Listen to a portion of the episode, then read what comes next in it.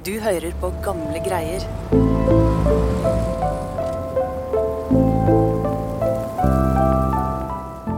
En høstkveld i 1920 blir to personer skutt og drept. Saken skal bli kjent som Nittedalsmordene. Drapene skal vekke stor interesse, og hendelsen blir til en skillingsvise hvor sladderen og teoriene til folket kom på trykk. Skillingsvisene var jo også eh, til dels vårt svar på sensasjonsavisene og, og, og Se og Hør. Men hvem var det som sto bak en av de mest omtalte drapssakene fra mellomkrigstiden i Norge? Det er en av disse sakene hvor det kanskje er et lite spørsmålstegn eh, som står der, eh, og som eh, har et ørlite mysterium knytta til seg fortsatt.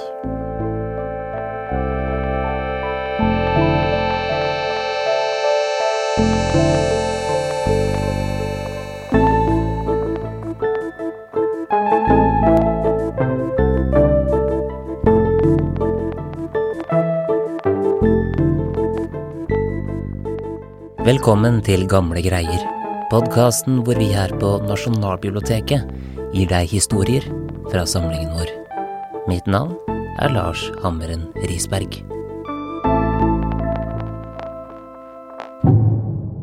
Nittedalsmordene for litt over 100 år siden ble en av de mest omtalte kriminalsakene i Norge i mellomkrigstida. Det er ikke så rart, for eh, et dobbeltdrap er ikke hverdagskost her i landet. Heldigvis så er vi stort sett spart for den slags. Chris Nyborg, lokalhistoriker her på Nasjonalbiblioteket. Men når det skjer, så kaster jo pressen seg over det. Og denne gangen fikk de god hjelp av politiet, som laks som ei sil, så alle detaljer kunne deles med allmennheten. Folks interesse var så stor at eh, det ble til og med skillingsviser ut av denne saken.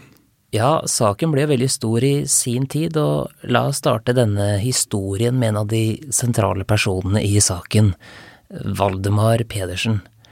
Fortell litt mer om han. Ja, Valdemar Pedersen han var drosjesjåfør i Kristiania eh, i Oslo. Han var født i 1891 og var eh, sønn av en vognmann. eh, Og det er jo drosjesjåførenes forløpere, så han fulgte i farens fotspor. Han levde et ganske vanlig liv. Eh, 1913 så gifta han seg med Kristine Augusta Fogh, og så fikk de ei datter som het Lilly Wanda samme år. Og levde et tilsynelatende greit og normalt eh, familieliv.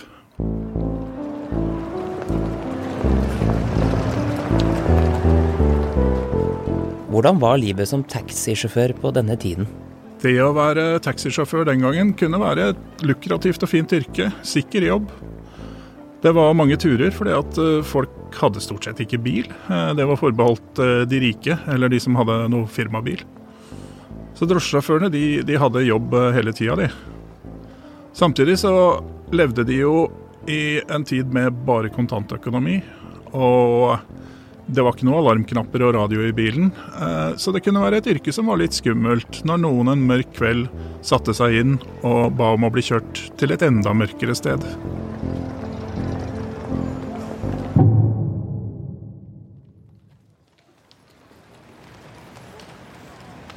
Lørdag den 18. september var en helt vanlig arbeidsdag for Pedersen. Han kjørte drosje som normalt, og utpå kvelden fikk han en bestilling om å kjøre en person ut av byen til Hakadal.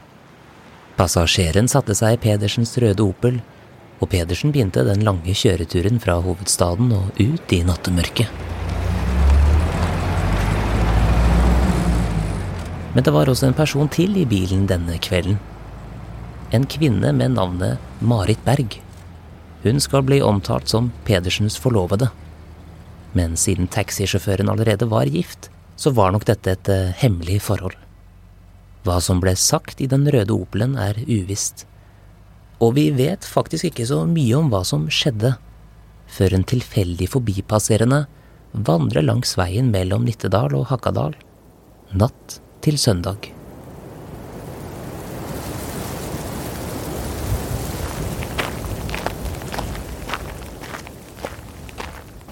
Utover søndagsnatta så kommer det en forbipasserende langs veien i uh, Nittedal. I nærheten av Rotnes bruk, for de som er lokalkjent der oppe. Han finner en stor rød Opel som ligger delvis ute i grøfta, og ser at det sitter mennesker i den.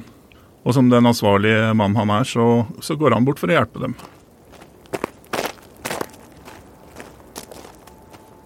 Når han kommer nærmere, så ser han at det er blod eh, i bilen. Og eh, tenker at her er det en alvorlig ulykke. Her trenger de i hvert fall hjelp. Så kommer han eh, enda nærmere og finner ut at her er tida for å kunne hjelpe noen over. Når han eh, kommer ordentlig bort til dem, så ser han at de er døde begge to. Og han ser også nokså raskt at her er det flere skudd som har tatt livet av disse menneskene. Og det viser seg jo selvfølgelig da å være Valdemar Pedersen og Marit Berg som sitter i denne drosja.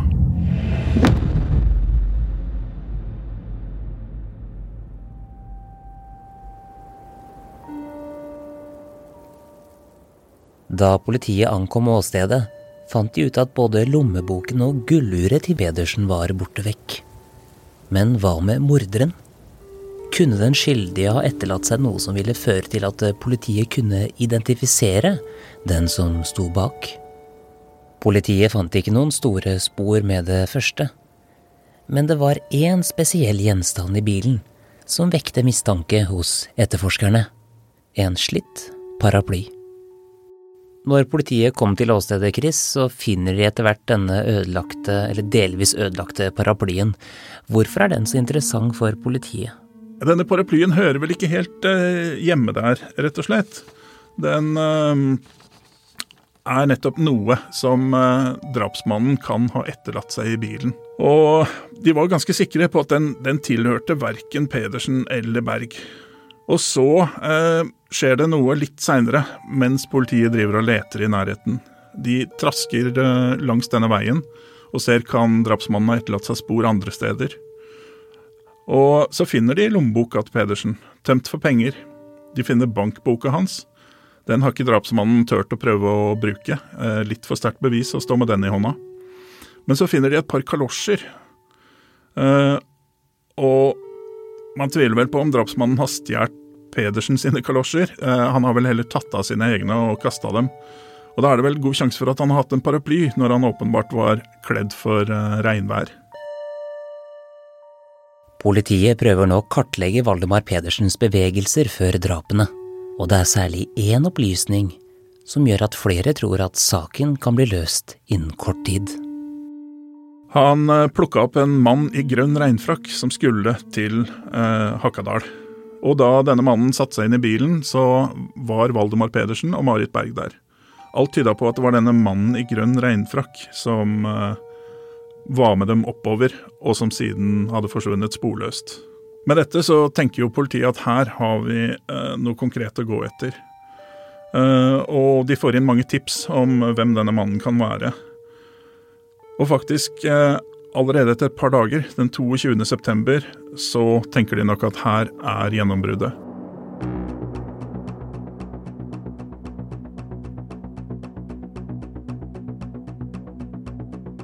Politiet går til pågripelse av to personer. Den ene blir arrestert i Nittedal, og den andre blir tatt på skjenkestedet Olympen i Kristiania, hvor Pedersen pleide å vanke. Nå ser det ut til at etterforskerne kan ha løst saken, men bare noen timer etterpå blir begge to sjekket ut av saken og løslatt. Ukene går, og etterforskningen står mer eller mindre stille. Kanskje vil den skyldige klare å komme seg unna?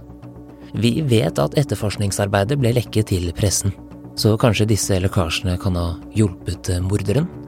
I oktober kom det i alle fall ingen utvikling i saken, men i november snudde det. Nå har det gått uker siden drapene, og de første pågripelsene ga ingen resultater, Chris.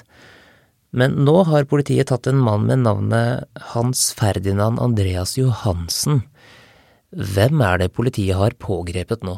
Ja, den 42 år gamle sjømannen Johansen, han var nestemann som havna i politiets klør. Johansen var straffedømt tidligere, eh, bl.a. for vold og vinningsforbrytelser. Og faktisk så ble han arrestert for noe helt annet enn Nittedalsdrapene. Han hadde rana en mann for 3700 kroner. Det høres ikke ut som all verden i dag, men det er faktisk ikke så langt unna en årslønn for en arbeider på den tida. Så vi kan si det tilsvarer å loppe noen for flere hundre tusen i dag. Og så ser det ut til at det var først avisene som kobla han til Nittedalsdrapene. Og vi ville vel i dag kalt ham en moduskandidat, en vaneforbryter som nå kanskje hadde gått mye lenger enn han hadde gjort eh, tidligere. Så de setter i gang etterforskning, han eh, blir avhørt, men ingenting knytter ham til drapet.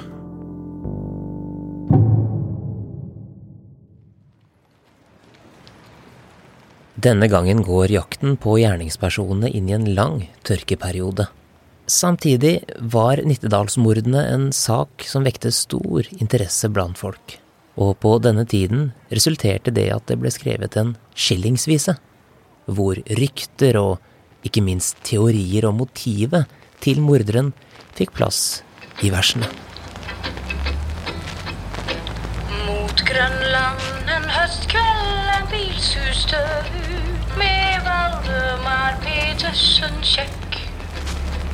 Han kom for å treffe sin vordende brud, Marit så vakker og sprek. Astrid Nora Ressem, velkommen hit. Du jobber som eh, forskningsbibliotekar her ved Nasjonalbibliotekets eh, musikkseksjon. Nå hører vi skillingsvisen om Nittedalsmordene i bakgrunnen, og i teksten kommer det tydelig fram at man ikke trodde at dette var et rovmord, og at det lå et mye mer personlig motiv hos eh, gjerningsmannen. Dette skal vi komme tilbake til, men aller først, hva er skillingsviser? Det mange forbinder med skillingsviser i dag, er lange, sentimentale viser som I en sal på hospitalet og lignende. Men den mer eh, kanskje akademiske betydninga av ordet skillingsviser, da, det er rett og slett viser som ble trykt på skillingstrykk. Og det kunne være alskens viser, det kunne være folkeviser, det kunne være eldre litterære viser, og det kunne være viser som var spesielt laget for å trykkes på skillingstrykk. Dette er et kommersielt medium. Eh, noen kaller det et massemedium, med kjempestor omsetning på spesielt oppover 1800-tallet og rundt 1900-tallet. Men vi kjenner det vi kan kalle skillingstrykk og skillingsviser så langt tilbake som 1500-tallet. Det er jo tett knytta opp til trykkekunstens utvikling og spredning av trykkerier rundt omkring i Europa og etter hvert Norge, da. Og hvor var det man solgte skillingsviser? De ble solgt rundt omkring på markeder, i byene, på gater og torg. Um, utenfor kirkeplassen, nær sagt når folk kom ut fra kirka, så kunne det stå folk og selge skillingstrykk. De kunne banke på dørene til folk, de som solgte visene, og høre 'vil du kjøpe en vise av meg'? Det kunne være um, vandrere, ikke sant, musikanter som, som hadde med seg lirekasser, som solgte skillingstrykk ja, stor spredning gjennom omreisende handlere, men også egne butikker i, i, byene som hadde egne visehandlere. Akkurat som vi har eh, egne CD-butikker, platebutikker, fortsatt i dag, da. Hvis man ikke har noen forhold til Nittedalsmordene i det hele tatt, og i alle fall i vår tid og hører den melodien her, så tenker man det er en lystig melodi, men hvis vi ser på teksten, så er det jo brutalt. Eh, hvorfor gjorde man dette? når man også visste at dette her var eh, en tragedie? Det korte svaret er det solgte. Skillingsvisene var jo også eh, til dels vårt svar på sensasjonsavisene og, og, og Se og Hør. Um, og de kunne produseres raskt, ikke sant. Det var små, billige trykk. Um, så, så, de kunne få dem raskt ut på gatene, og det solgte. Det var jo mye sladder i skillingsvisene, men kunne det forekomme at man var varsom med rykter og heller forholdt seg til det man eh, visste stemte? Det kunne de være. Eh, av og til så lå de veldig tett på eh, nær sagt sannheten, eller i alle fall eh, fakta som ble presentert i nyhetsbildet, da. Men akkurat denne her er jo eh, til dels basert på opplysninger du finner i nyheter, men også en god del eh, diktning i tillegg, da, for å, for å lage visa ekstra spennende og ekstra dramatisk. Ja, og du har notert et konkret eh, vers på blokka di som du mener illustrerer akkurat det her. Ja, og det er i vers tre på skillingstrykket.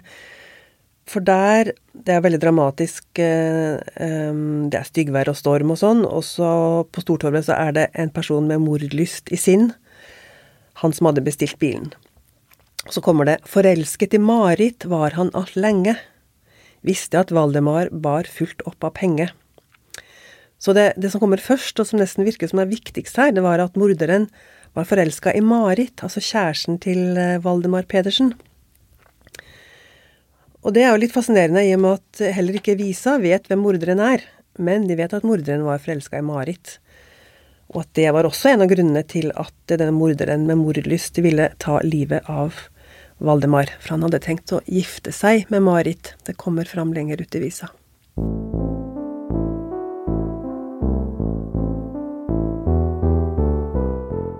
Ja, hvis skillingsvisen var korrekt, så ville kanskje saken allerede vært løst, men dette var jo ren oppdikting fra folket. Det gikk flere måneder, og politiet klarte ikke å identifisere mannen i den grønne regnfrakken, eller om denne paraplyen på åstedet var et viktig spor som man først trodde. Og nå var pressen skeptisk til om politiet ville klare å løse saken. Når vi leser avisene utover 1921, så ser vi at eh, de har ikke så stor tro på å finne denne regnfrakken lenger. Um, alle kan jo ha en paraply. Uh, sporene virker ganske kalde og vanskelig å følge opp. Så viser det seg at det er akkurat denne paraplyen, da. Uh, de hadde rett uh, fra starten av i at paraplyen var sentral. De klarer nemlig, takket være utrolig godt detektivarbeid, å finne ut at paraplyen tilhørte en bøssemaker Skau. Dette var en kar som ikke var mistenkt på noen som helst måte for drapet. Men når de begynte å se nærmere på det, så fant de ut at paraplyen hadde blitt stjålet i et innbrudd i Skaus hytte. Og det innbruddet viste seg å være oppklart. Her er det dette gode, gamle problemet med kommunikasjon mellom forskjellige etterforskere. Men når de endelig kobla de to sakene sammen, så visste de hvem det var som hadde stjålet paraplyen. Så 10. mars 1921 så møtte politiet opp på Vestbanestasjonen og pågrep 19 år gamle Rolf B. Tollefsen, eh, mistenkt for Nittedalsdrapene.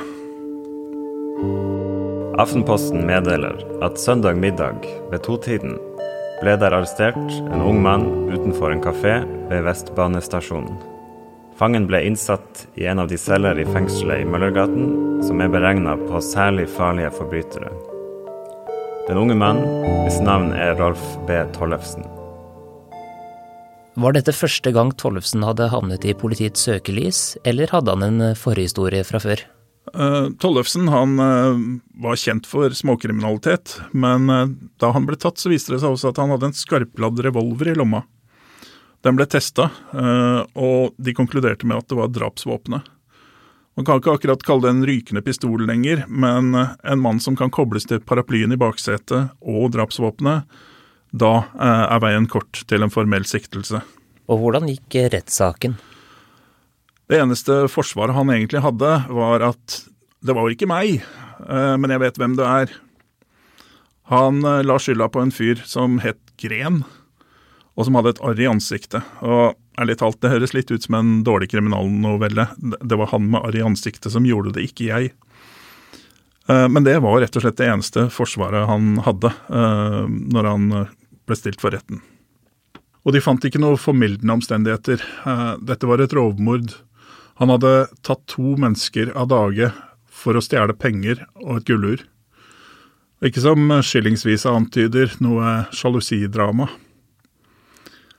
Straffen for det eh, ble livsvarig fengsel, og den gang som nå så betyr det 21 år. Han sona den dommen i 15 år. Eh, han skal ha vært en mønsterfange, men gjennom alle de åra så hevda han hele veien å være uskyldig.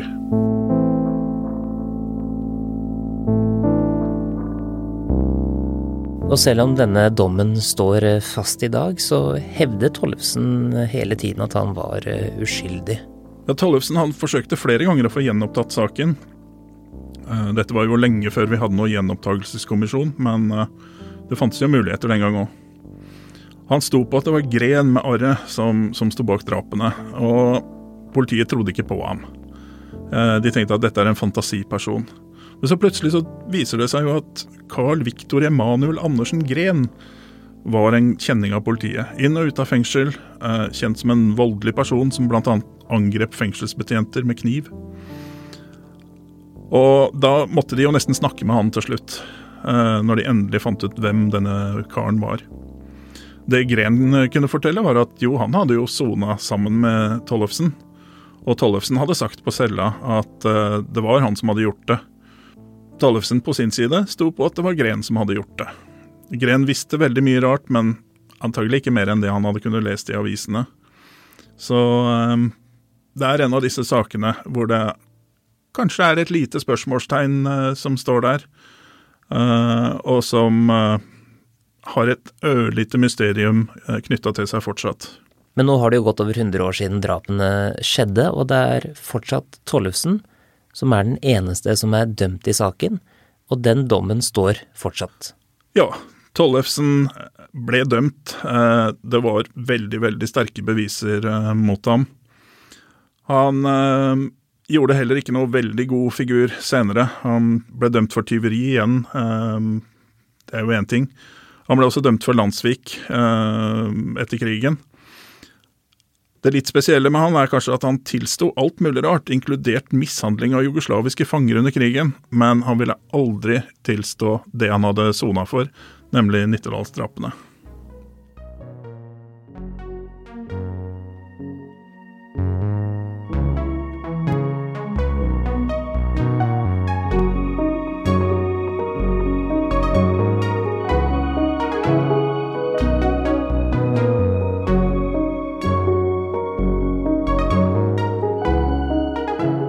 Pressedekningen av Nittedalsmordet finner du i avissamlingen vår på nb.no. Og musikken du hørte i denne episoden, og som du hører akkurat nå, er skrevet og produsert av Therese Aune. Du finner mer av hennes musikk på thereseaune.com, eller der du strømmer musikk til vanlig. Mitt navn er Lars Hammeren Risberg. På gjenhør.